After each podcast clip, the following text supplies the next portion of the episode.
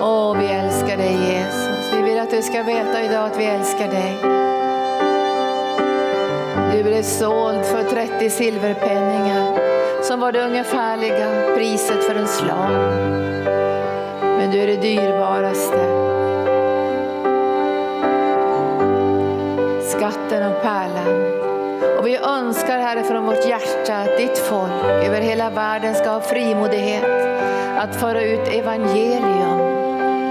Evangelium, det goda budskapet om Jesu försoningsgärning. Så människor ska få höra och se din godhet och få förlåtelse och få födas på nytt och gå från syndare till rättfärdig. Vi ber det heliga Ande att all fruktan, vi kan se den fruktan som Petrus också hade när han utmanades. Känner inte du också den mannen? Och vi ber att vi ska vara så frimodiga, så fyllda med eld och mod. Att vi alltid och överallt dit du leder oss kommer med evangelium.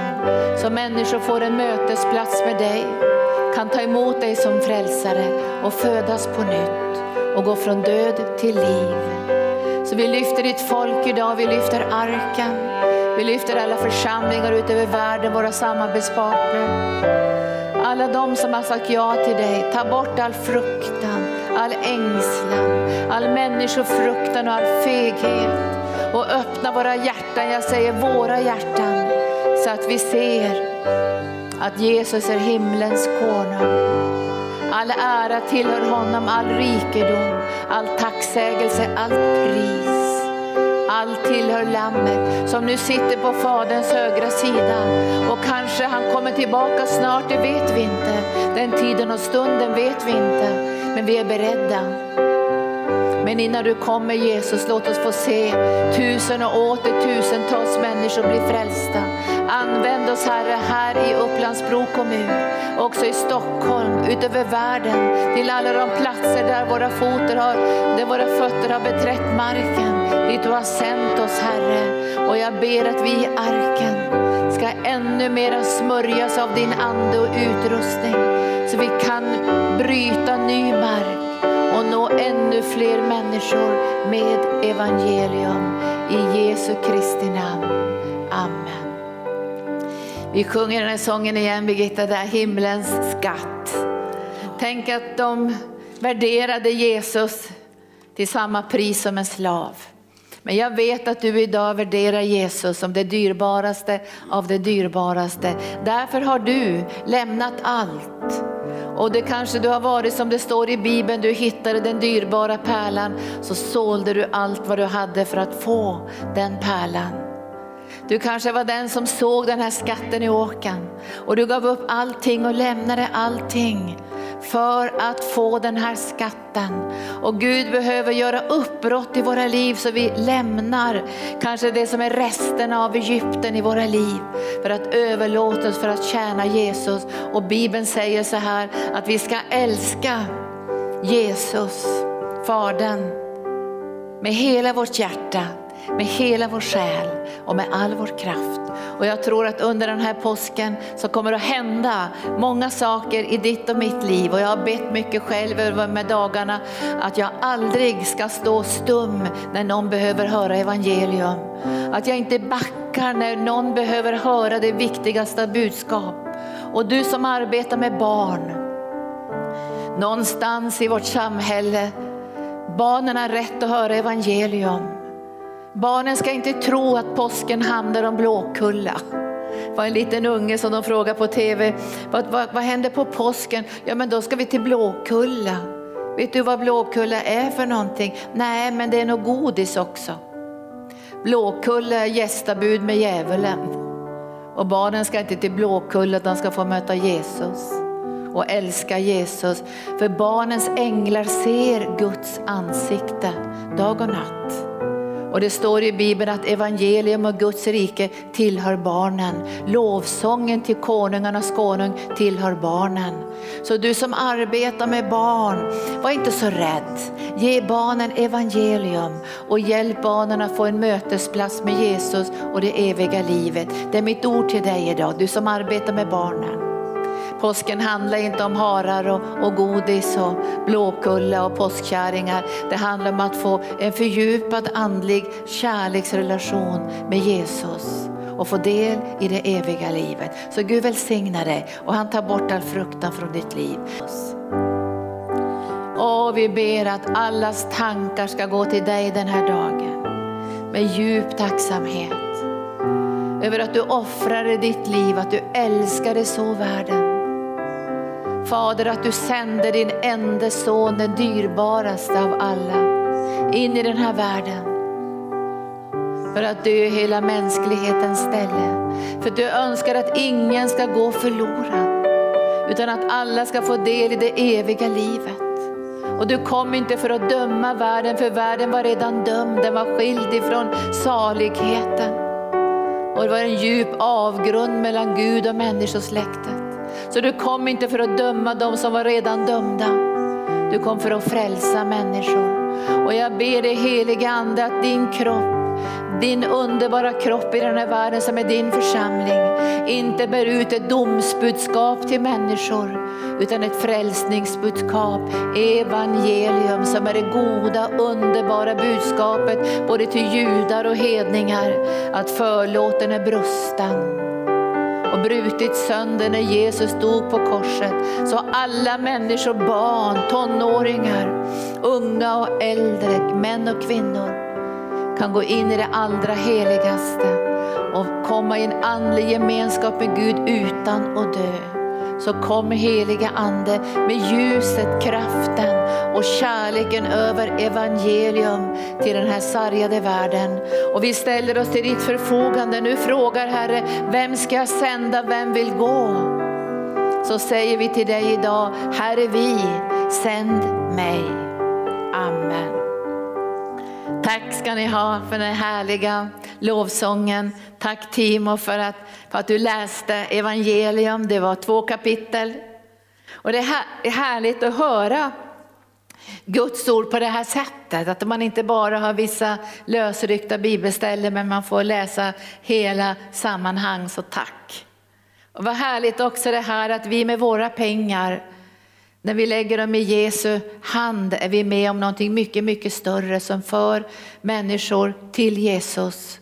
Och vi kan påverka med våra pengar och föra ut evangelium och det är det som är vår längtan. Jag ska börja med att läsa Romarbrevet kapitel 1.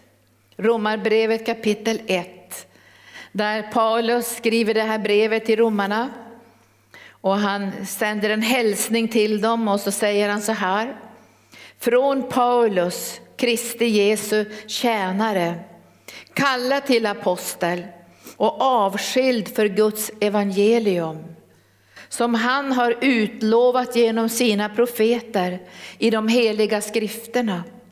Evangeliet handlar om hans son som till sin mänskliga natur är född av Davids ett och som genom helighetens ande med kraft har bevisats vara Guds son efter uppståndelsen från de döda. Jesus Kristus vår Herre, genom honom har vi fått nåd och apostlaämbete för att föra människor av alla folk till trons lydnad för hans namns skull.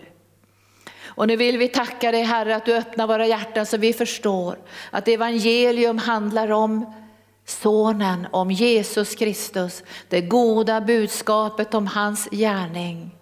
Och vi ber att du öppnar våra hjärtan så vi kan förklara evangelium för människor. Att de kan få se din kärlek Fader som är uppenbarad i Sonen. Så vi kan föra människor till trons lydnad som är en kärleksförklaring. Det är en helt annan lydnad än den som drivs av fruktan. Det är en kärlekens lydnad när vi ser vad han har gjort för oss för 2000 år sedan. När han bar vår synd och sonade vår synd för att vi skulle kunna bli försonade med Gud. Då vill vi lägga ner våra liv. Då vill vi öppna våra hjärtan. Då vill vi satsa allt på evangelium. För vi vet Herre, att när vi tjänar dig i den här tiden har vi inte bara en kort, kort tid utan vi kommer att leva i evigheternas evigheter tillsammans med dig. Och därför vill vi idag bara proklamera, vi som ledare i arken, hemgruppsledare, pastorer, alla som arbetar och tjänar här, alla församlingsmedlemmar. Vi vill att du ska höra idag Jesus från våra hjärtan. Att vi önskar att den här platsen ska vara ren och helgad och avskild för dig. Så att människor kan få se vem du är och få en sann bild av din son. Så alla lögner, all bedrägeri, allt smuts och allt som har gjort att hans bild har blivit otydlig. Vi önskar här att hans bild ska bli tydlig, men inte bara det, utan att han själv ska kunna träda fram och lägga sina sårmärkta händer på människors liv så att de kan ta emot honom som frälsare, bli befriade, försonade, helade och upprättade och rustade till tjänst. I Jesu namn. Amen. När ni sitter här så ser ni att vi har lagt fram en sten och så har vi lagt fram en törnekrona och så ser ni rosor som är fastsatta i den här törnekronan. Det är bilden på Jesu sårmärken. För att vi ska minnas idag och påminna oss om vad han har gjort för oss när han dog på korset. Idag ska jag tala om Jesu försoningsgärning. Och jag tror att det var svårt för lärjungarna att förstå det här att Jesus skulle gå lidandes väg. I Matteus 16 så profeterar och berättar Jesus profetiskt och, och säger till lärjungarna att ni måste veta en sak att människosonen måste gå lidandes väg. Han måste gisslas, han måste hånas, han måste utelämnas och han måste dö. Men på tredje dagen ska han uppstå. Han säger det här tre gånger i Matteus evangelium. Men första gången han säger det i Matteus 16, då protesterar Petrus. Och så säger han Jesus, det här kan inte jag tro på, för Gud är ju god. Inte ska väl du behöva gå en sån här fruktansvärd så att säga, framtid till mötes, för Gud är ju god. Och då vänder sig Jesus till Petrus och ser vem som är bakom Petrus. Och så säger han, gå bort Satan. Stå mig inte i vägen, för du vill få mig på fall. Och så säger han, men de här tankarna som du får Petrus, det är inte Guds tankar utan det är människotankar. Tre gånger så ger Jesus förutsägelser för att lärjungarna skulle börja förbereda sig för det som skulle komma. Men det var väldigt svårt för dem att ta in det här. Och det ser vi ju sen och vi kommer få höra mer om det på måndag när vi talar om Emmausvägen, hur lärjungarna gick omkring och var deprimerade och förstod inte riktigt vad som hade hänt. Att det här var förutsagt, att det här hade profeterna redan hundratals år innan Jesu död och uppståndelse hade det talats ut. Och den text som vi kanske allra mest känner till det är ju Jesaja 53. Straffet tog han på sig för att vi skulle få frid och genom hans sår har vi blivit helade. Straffet tog han på sig. Och det är skillnad på att sona någonting och försona någonting. Jesus sonade hela mänsklighetens skuld. Och jag tänkte i morse om jag skulle förklara det här med försoningen för ett barn. Så satt jag och tänkte på när jag bodde i Göteborg och så åkte jag ut till Körn. Och det var det mest gigantiska bro. Och när man stod för den där bron så tänkte man att det hisnade när man såg liksom rakt ner i vattnet.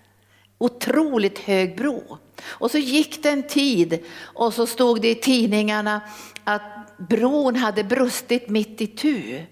För ett fartyg hade kört mot bron och bron hade bara fallit ihop i mitten. Men det var fortfarande bitar på sidorna. Och det här skedde på, på kvällen när det var mörkt och det var snö och det var slask. Och då berättade de att de första som kom till bron som var nerriven, de, tog, de hade bara en liten ficklampa. Och de ställde sig där och så blinkade de och försökte få bilarna att stoppa. Men det var många bilar, jag vet inte hur många bilar, det var mer än tio bilar som körde rakt ner i avgrunden. Därför ljuset var för svagt.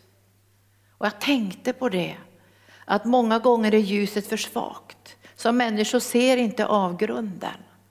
Därför är det en avgrund mellan mänskligheten och Gud. En avgrund som ingenting kan överbrygga utom Jesus.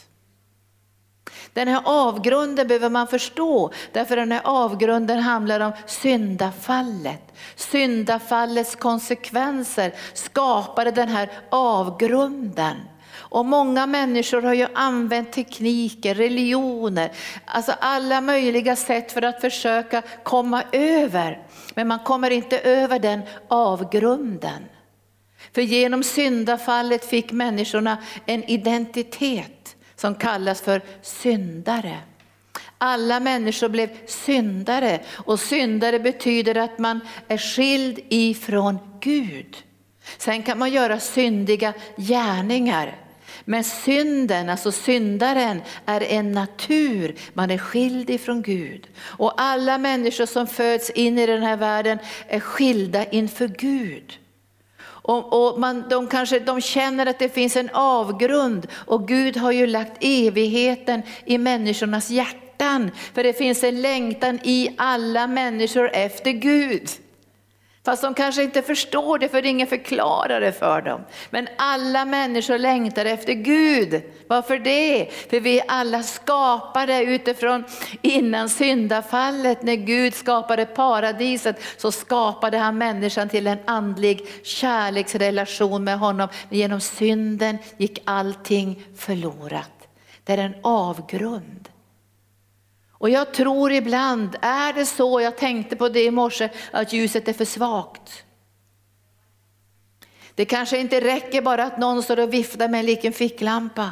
Och därför måste ljuset bli så starkt i den här yttersta tiden tillsammans med Jesus och Guds folk. Blir en kraftfull varningslampa som säger, gå inte närmare den här avgrunden utan ta emot evangelium för det finns en osynlig bro över den här avgrunden och den bron heter Jesus. Det finns en bro över avgrunden. För Jesus är vägen och han är sanningen och han är livet. Därför är evangelium någonting underbart. Och ju starkare ljuset är så kommer människor att stanna och fråga, vad vill ni säga? Vad är det ni har på era hjärtan? Hjärtan. Det brinner ju. Ni stoppar ju oss. Vi måste få berätta vad Jesus har gjort för er, för vi vill inte att ni ska gå förlorade. Så älskade Gud världen att han gav sin enda son. Så att var och en som tror på honom ska inte gå förlorad, förlora sitt liv. Och nu talar jag inte om att förlora sitt liv under en kort tid, utan förlora sitt liv i all evighet. Därför måste vi predika evangelium. Det är vårt uppdrag i den här världen vänner, vi har inget annat uppdrag.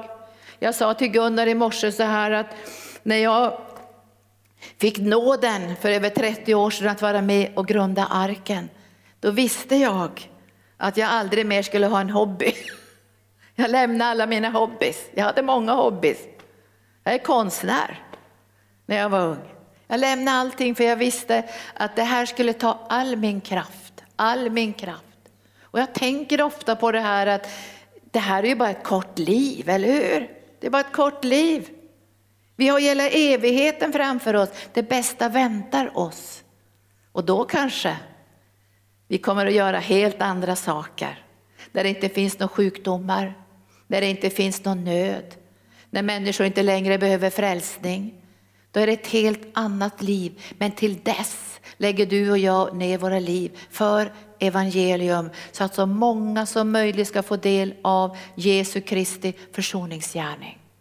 Nu ska jag predika länge idag, inte kanske så länge, men jag ska börja nu i gamla testamentet. För påsk betyder ju egentligen på hebreiska betyder det att gå förbi eller skona betyder påsk. Att gå förbi eller skona. Och när man tittar i gamla testamentet och läser där om Israels jag säga, när de fick lämna och bli befriade från Egyptens fångenskap så är det ju en bild på oss, eller hur?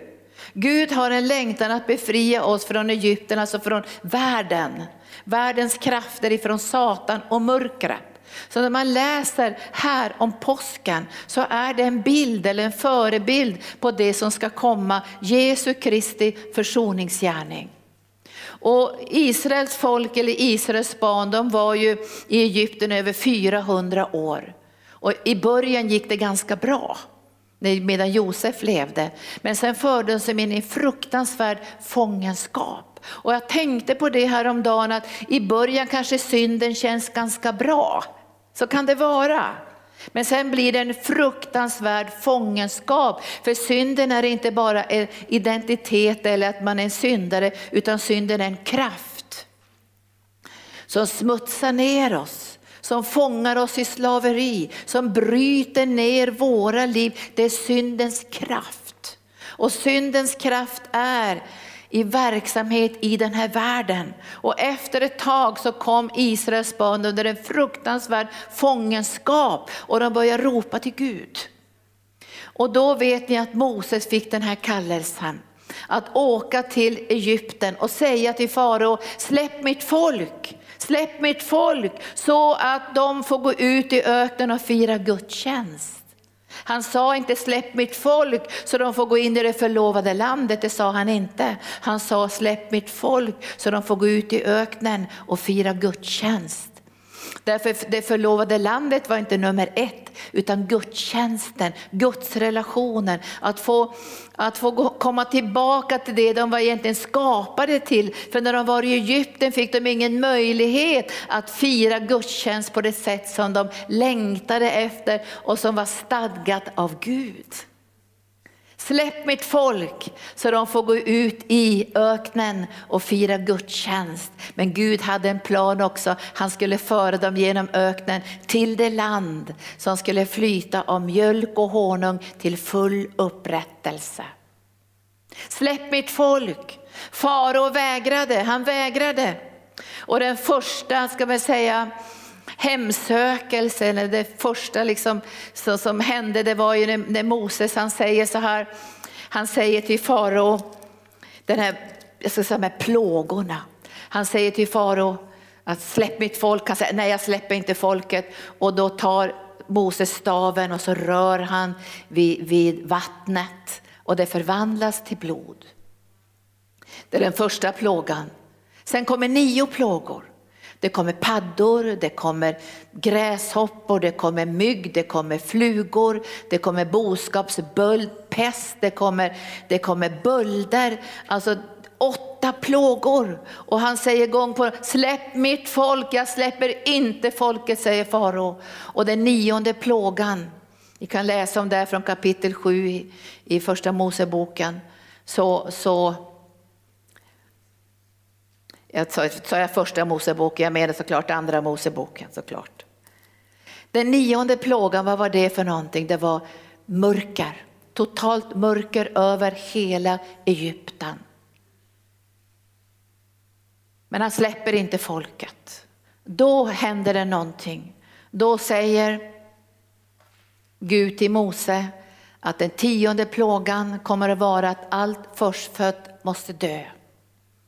Från slavens barn till boskapets barn, allt förstfödd. Ända in i faraos kammare måste allting förstfött dö. Och straffet ska gå över Egypten och över alla Egyptens gudar. Men så säger Gud till, till Moses att folket ska skyddas, Israels barn ska skyddas och man ska offra ett lamm och man ska ta isop som var liksom kvist från en slags buske och sen skulle man stänka blod på båda dörrpostarna. Inre dörrposten, yttre dörrposten. Och sen skulle man inte gå ut för att dödsängeln skulle gå förbi och allt förstfödd skulle dödas. Israels barn stannade inomhus. Jag tror att många av dem var ganska rädda när, när de visste att nu kommer det här att ske. Och då säger Gud till dem att de ska vara beredda. De ska äta osyrat bröd, en bild på att synden ska upphöra. Osyrat bröd. Det ska inte längre syras av synden. Alla människor är födda skilda ifrån Gud, men genom Jesus Kristus så stoppas allt det här upp. Och liv och helighet kommer in i den här världen så att vi har möjlighet att byta identitet till att bli rättfärdiggjorda. Ser ni, förstår ni det här? Genom Jesus Kristus får vi en ny natur. Vi kallas inte längre syndare som är skilda ifrån Gud. Vi får en ny natur som kallas rättfärdiggörelsens nya natur och vi får del i det eviga livet. Det osyrade brödet, bilden på Jesus. Och sen säger Gud till Moses, så ska ni äta bittra örter. Det är en bild på Jesus, att försoning kan inte ske utan att straffet går över synden. Smärtan, lidandet, korset är en avrättningsplats. Den mest fasansfulla platsen av förnedring, av lidande. Straffet måste gå över synden och Jesus träder in i ditt och mitt ställe. Det är Jesus som sann människa som dör. Den andra Adam dör i ditt ställe så att du ska slippa dö. Det här är påskens budskap. Han träder in i ditt ställe, han sonar synden och han försonar dig med Gud. Han öppnar vägen in i Guds hjärta. Det här behöver människor veta och de behöver få kunskap om det. Att de genom ett enda ja till Jesus blir frälsta och pånyttfödda. Att bara genom att säga Jesus kom in i mitt hjärta så kommer den helige ande och föder den människan på nytt. Och tar den ut ur dödens rike, Satans rike och sätter den in i den älskade sonens rike. Och den får en ny natur som heter rättfärdighetens natur. Rätten till att leva i en andlig kärleksrelation med Gud och få tillbaka ursprungsbilden, det som var tänkt innan syndafallet. Borde inte alla få veta det här? Alla borde få höra om det här, att de är försonade med Gud genom Jesus Kristus och över avgrunden finns det en bro. Så man kan gå över den här avgrunden från död till liv. Och komma till en lydnad som inte har med fruktan att göra, som har med kärlek att göra. Därför att när vi får en uppenbarelse om vad han har gjort för oss, då drar vi upp vår livklädnad. Och Gud han säger så här, fäst, fäst din livklädnad, eller kan, tunikan kanske det står i Bibeln, fäst den med bältet. För nu ska vi fira Herrens påsk och vi måste vara redo. Ät det osyrade brödet, ät de bittra örterna, men ni måste vara redo. Använd bältet och så binder ni upp er tunika därför att Herrens påsk den hastar. Och varje påsk som jag firar så vet jag, nu hastar det. Jag måste binda upp min livklädnad, min mantel eller min, min tunika. För jag måste vara beredd att föra ut evangelium. Nu är det inte tid längre att sitta och vänta. När vi firar Herrens påsk så vet vi att det är det osyrade brödet. Synden har ingen makt längre, den kan inte föras vidare. Om vi tar emot Jesus som vår frälsare så finns det seger också över synden och syndens gärningar. Vi får en ny natur som inte vill synda, som vill leva för Jesus. Och då står det bind upp era kläder för vi ska fira Herrens påsk, ni måste vara redo så att ni kan snabbt bryta er loss ifrån Egypten och vandra ut i öknen in i det förlovade landet. Påsk påsken som firas här i, i gamla testamentet i andra Moseboken är en förebild på det som skulle komma. Och när jag har varit i Israel och mött många judar och messianska judar så ser man ju med vilken brand och överlåtelse de firar sina högtider. Och Herren säger, ni måste fira Herrens påsk. Ni måste ha, det är sju dagar som de ska fira det osyrade brödets högtid. För att påminna sig varje år att de blev befriade ifrån Egypten. Att de fick del i, i, i det här blodet som är en förebild på Jesus. För han är Guds offerlamm. Han är det lamm som måste offras i, i, ska säga, i mänsklighetens ställe. I hela judendomen så offrar de ju bockar och kalvar och, och, och lamm gång på gång på gång för att överskyla synden. Men bockars och kalvars blod kan bara överskyla synden. Men man försökte överskyla synden gång på gång på gång.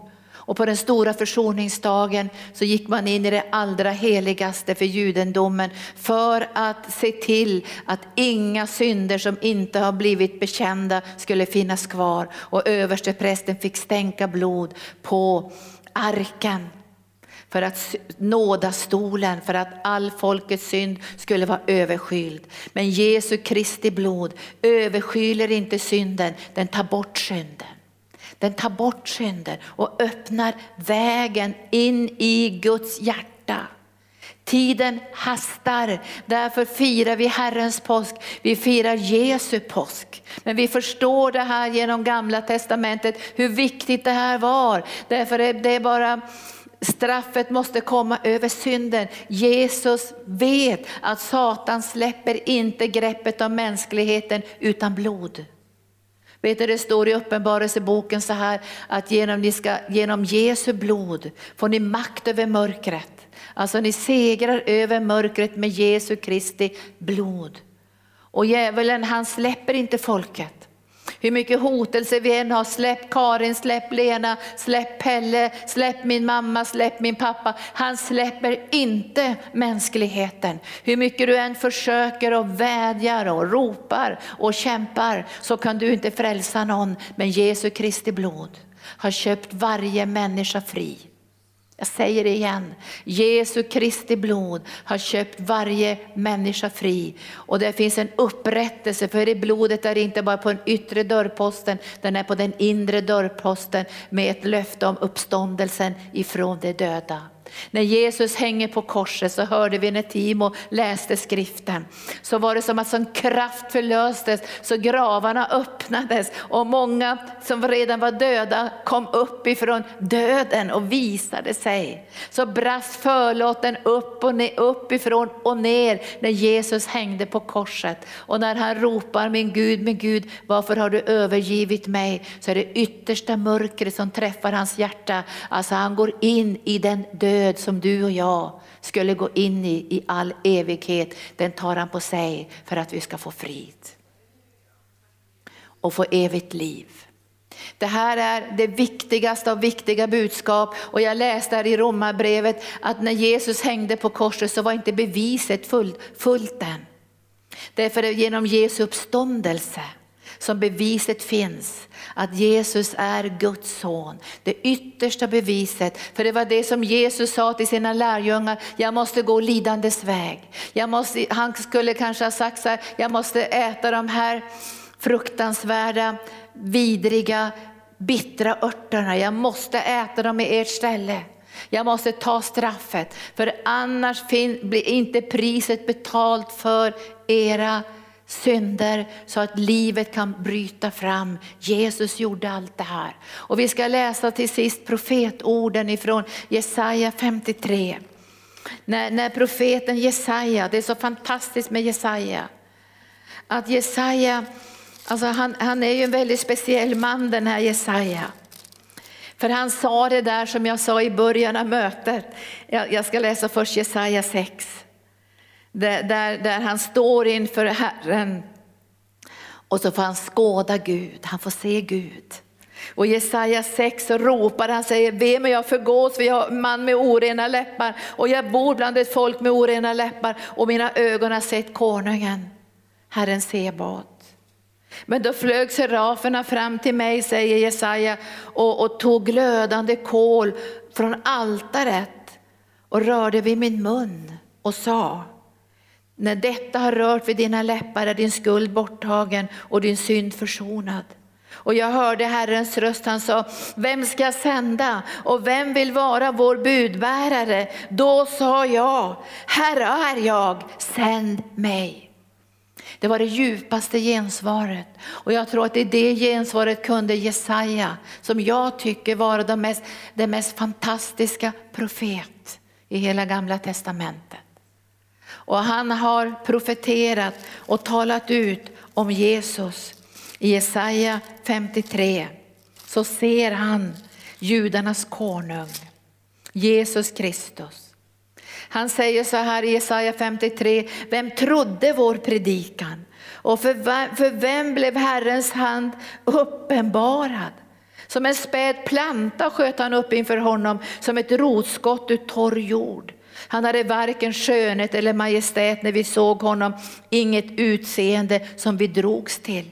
Alltså Jesus gick ner i djupen för att kunna lyfta dig. Det var därför han lät sig födas i ett stall bland djur. För att du idag ska veta att hur djupt, du, hur djupt du känner att ditt liv är brutet, förstört och nerrivet så har Jesus gått ner i det mörkret för att lyfta upp dig. Jag vill att du ska veta idag att när han hängde på korset så sonade han inte bara din synd utan han tog också alla dina sjukdomar, all din smärta, all din sorg och allt ditt lidande. Han tog till och med din fattigdom. Allt det här bar Jesus på korset och därför står det att budskapet är glädjens budskap för de fattiga, för de blinda, för de döva, för de sorgsna hjärtana. För de, för de som var sönderbrutna och bundna så kom det goda budskapet på korset. Hände det som vi behöver berätta för mänskligheten att det var där som Satan blev avväpnat. Det var där som skuldebrevet spikades fast. Det var där som Jesus tog alla dina sjukdomar och blev slagen i ditt ställe, gisslad, förnedrad för att du aldrig mer ska bli förnedrad utan upprättad och godkänd av Gud. Det var på korset.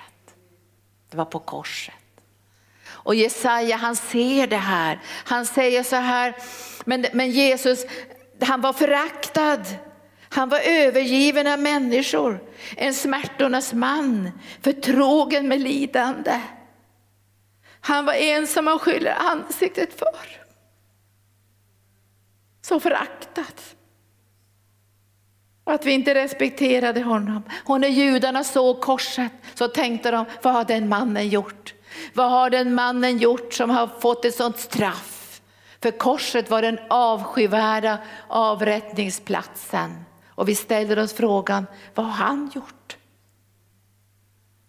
Jag tror många människor de förstår inte, tänker Jesus har dött, han var en god människa. Men vi måste ställa nästa fråga, vad har han gjort? Vad har han gjort? Som, som har fått ett sånt fasansfullt lidande, vad har han gjort? Vi måste ställa den frågan. Var det för din skull han gick in i det här? Var det därför som han gick till korset? Nu läser jag för dig här, de här, han var hemsökt. Jag läser vidare. Men det var våra sjukdomar han bar. Ta in det här i ditt hjärta idag. Fortsätt att proklamera ut det. Det var dina sjukdomar han bar. Det var våra smärtor, dina smärtor tog han på sig. Men vi såg honom vara hemsökt, slagen av Gud och pinad. Han var hemsökt och slagen av Gud och pinad.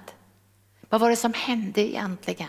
Vad var det för straff som var utmätt över Jesus?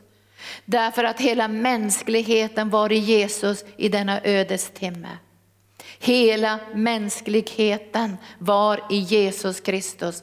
Alla människor som någonsin kommer att födas har varit i Jesus Kristus på korset. Därför har Satan förlorat all makt över dem. Du måste predika evangelium. Du måste vara frimodig var än du är. I sjukvården, var frimodig vad du har förlorat. I politiken, vad, vad, vad har du att förlora? I skolan och ja, på arbetsplatsen, vad har du att förlora? Du som har tagit emot Jesus som frälsare. Du kommer att få evigt liv, men en dag kommer människor kanske att fråga dig på vägen till den eviga förtappelsen, varför sa du ingenting om Jesus? Varför sa du ingenting om Jesus? Och då kanske du säger, ja men du hade, du hade blivit så arg om jag hade sagt någonting om Jesus. Jag kanske hade förlorat mitt jobb om jag hade sagt någonting om Jesus. Det kanske hade hänt det här eller det här om jag hade sagt någonting om Jesus. Men de kommer att fråga dig en gång, varför sa du ingenting om Jesus? För det här gällde mig och mitt eviga liv.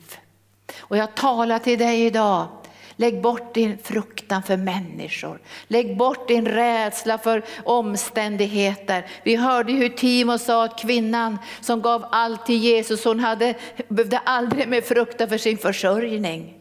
Hon hade ingen fruktan längre, hon hade bara kastat allt över Jesus. Och hon bara visste, när jag har gett honom allt, då kommer jag få allt ifrån honom också. Och jag talar till dig idag, jag brinner i mitt hjärta, för tiden går mot sitt slut och vi måste få bort den här människofruktan, den här tystnaden. Och jag hörde i morse så här att den som inte samlar med mig, han förskingrar.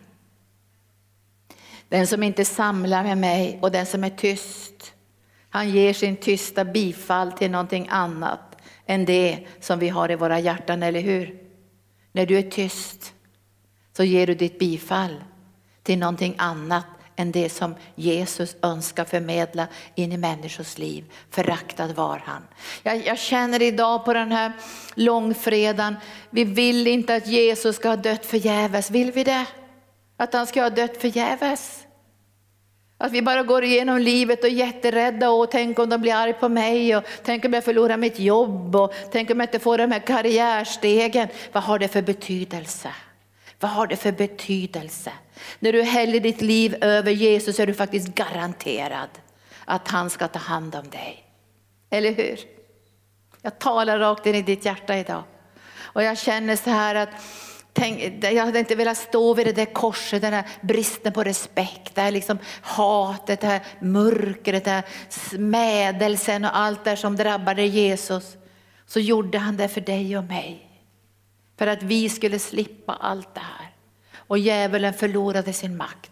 Alltså jag tror att han, när han såg Jesus hänga på korset slagen, det står profetiskt, hans rygg var som en plogad åker. Då tänkte djävulen så här, ha ha ha, jag fick honom. Jag fick honom. Men det han inte förstod var kärleken. För hade, det står i Bibeln så här, hade man förstått denna kärlek, då hade man aldrig korsfäst härlighetens Herre.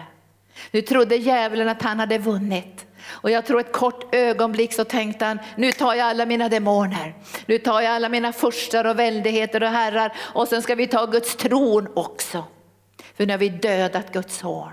Och i ett ögonblick förstod han allt. I ett ögonblick såg han att han var helt avklädd och naken. Att han hade förlorat all sin makt. Att han var till skam i hela andevärlden. Och att Jesus i det ögonblicket när han dog och uppgav andan fick nyckeln till döden och dödsriket. Vilket evangelium vi har. Vilket evangelium vi har. Och jag känner idag att vi, vi, kan inte komma in i väckelse om vi inte får bort människofruktan. Vi kan stå och ropa väckelse varenda dag så vi blir hel, hesa. Men vi behöver få bort människofruktan. Vi behöver värdera Jesus mer än en slav. Som en god man eller som en profet. Jesus är Guds son. Och han gav sitt liv för att du och jag ska få evigt liv. Vi har det mest fantastiska, underbara budskap och nu läser jag till sist, jag tar de här orden också. Men det var våra sjukdomar han bar, våra smärtor tog han på sig. Medan vi såg honom som hemsökt, slagen av Gud och pinad, han blev genomborrad för våra brott. Slagen för våra synder. Straffet blev lagt på honom för att vi skulle få frid och genom hans sår är vi helade. Vi gick alla vilse som får, var och en gick sin egen väg. Men all vår skuld lade Herren på honom. Han blev misshandlad, han ödmjukade sig och öppnade inte sin mun som ett lamm som förs bort att slaktas, som ett får som är tyst inför dem som klipper det. Han öppnade inte sin mun. Varför öppnade inte Jesus sin mun? Han var ju utan synd. Han öppnade inte sin mun för han bar din synd. Och därför kunde han inte öppna sin mun. Han visste att synden måste straffas. Han blev klippt förnedrad. Det här behöver mänskligheten veta, barnen behöver veta det. Barnen måste kunna veta i skolan att påsken inte är påskkärringar och blåkulla. Alltså jag känner smärta. Och tillbaka till den här Körnbron. Det var många som dog den natten därför de, de förstod inte att det svaga ljuset var ett räddningsljus. Men vi behöver det starka ljuset. det klara ljuset, det frimodiga ljuset i den här världen inför den sista tiden när vi har så mycket information, så mycket röster, så mycket ljud så måste Guds församling träda fram utan fruktan. Och skulle det vara att du förlorade ditt jobb då? Jag pratade i morse, jag ska säga det till sist, när jag var ung så såg jag en film som grep mig väldigt kraftfullt. Och det var om den heliga Franciscus, jag kanske känner till Franciscus. Han lämnade ju allt för att följa Jesus och han kom från en rik familj, han lämnade allt. Men han hade en kompis som inte vågade lämna allt. Han hade en kompis som egentligen längtade efter att kunna lämna allt, men han satt liksom fast. Han var i kungens hov. Han satt fast liksom med, med, pengarna och med positionen och sådana här saker. Det här var bara en film, men jag gillade den. Och så en dag så gick han i procession med kungen. Och han, det gnagde i hans hjärta, varför går jag här? Jag ska ju följa Jesus som Franciscus. Och plötsligt fick han bara en ingivelse. Han blev som galen. Så han ropade högt och sa, min kung, kasta din krona i smutsen. Och det blev ett ramaskri i hela processionen. Och de tog den här kompisen till Franciscus och de sparkade ner honom för en jättestor brant. Och medan han rullade där i smutsen så skrek han, jag är fri, jag är fri, jag är fri. Och så sprang han ut i skogen för att leta reda på vad Franciscus var. Det kan hända. Att du, behöver, du kanske inte ska säga så. Men du måste kanske säga att alla de här andra kronorna, all den här världens glans och sånt, det kastar du i smutsen för ett högre syfte. Och även om du skulle förlora ditt jobb, vad spelar det för roll? Även om du skulle förlora karriär eller vänner och sådana här saker. Men om du inte förlorar Jesus så har du ändå allt. Visst är det så? När du har Jesus så har du allt. Nu lägger jag det här på ditt hjärta den här långfredagen. Att tänka på det pris som Jesus betalade för mänskligheten. För varenda barn, varenda pojke, varenda flicka betalar han med sitt blod för att öppna den här vägen så att det skulle finnas en bro över avgrunden. Och du, så nu ska vi ta en liten stund och be och vi ska komma upp lovsångare. Så ska vi få be för din familj, för dina vänner, för dina arbetskamrater. Vi ber för det. Vi har vänner som ännu inte är frälsta. Vi har kamrater som inte är frälsta, vi har, vi har vänner i vår vänkrets som ännu inte är frälsta. Vi ska be att det ska bli en mötesplats så att vi ska kunna predika, berätta, vittna om Jesus så att den här bron blir synlig över avgrunden. För Jesus är vägen och sanningen och han är livet. Så lyft ni som är här idag, vi bara lyfter våra familjer, arbetsplatser, vänner, du kanske arbetar på ett sjukhus eller du möter många människor som håller på att dö. Ge dem evangelium. Du kanske arbetar på en förskola, på en skola. Det finns möjligheter för dig att ge evangelium. Vi tackar dig Herre att vi får lyfta våra familjer idag. Vänner, anhöriga, släktingar. Vi vill lyfta idag den här långfredag. Gud, vi vill lyfta inför dig. Det pris som Jesus betalade för just de här människorna som vi nu lyfter inför dig Jesus. Vi tackar dig Jesus för barnen, vännerna, arbetskamraterna. Och vi ber dig helige Ande att du rycker undan all det här täckelset, all den här fruktan, all den här lamheten som vi vet finns i den här världen och över våra egna liv. Vi ber Herre att det pris som du betalade Jesus inte ska vara förgäves. Och därför ber vi Herre att du ska sända människor i deras väg. Och du ska sända oss i deras väg. Du ska öppna möjligheter för oss att få dela evangelium om din son som gav sitt liv på Golgata kors och köpte människorna, inte med guld och silver, inte med ädla stenar. Han köpte dem med sitt dyra blod för att de skulle få evigt liv. Och jag tackar dig Gud för att vi idag får lyfta människor. Vi lyfter människor i Indien, Kambodja, Burma, alla länder som är i krig och förtvivlan och, för, och förtryck. Alla människor som inte får höra evangelium.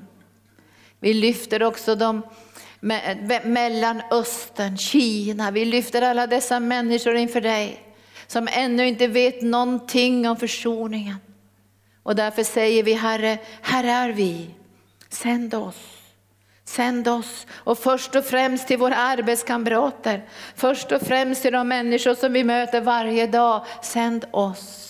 Och vi ber heliga Ande att den här församlingen, arken, ska vara frimodig och eldig överallt, i skola, vård och omsorg, i politiken. Ska elden brinna och evangelium ska bryta in i människors liv. Och vi tackar dig Gud för att den här dagen är en lång dag, det är långfredag. Och vi önskar att tänka och tänka och tänka igen det pris som du betalade för att kunna glädja oss på påskdagen uppståndelsens morgon när stenen blir bortrullad och alla dina sår är helade.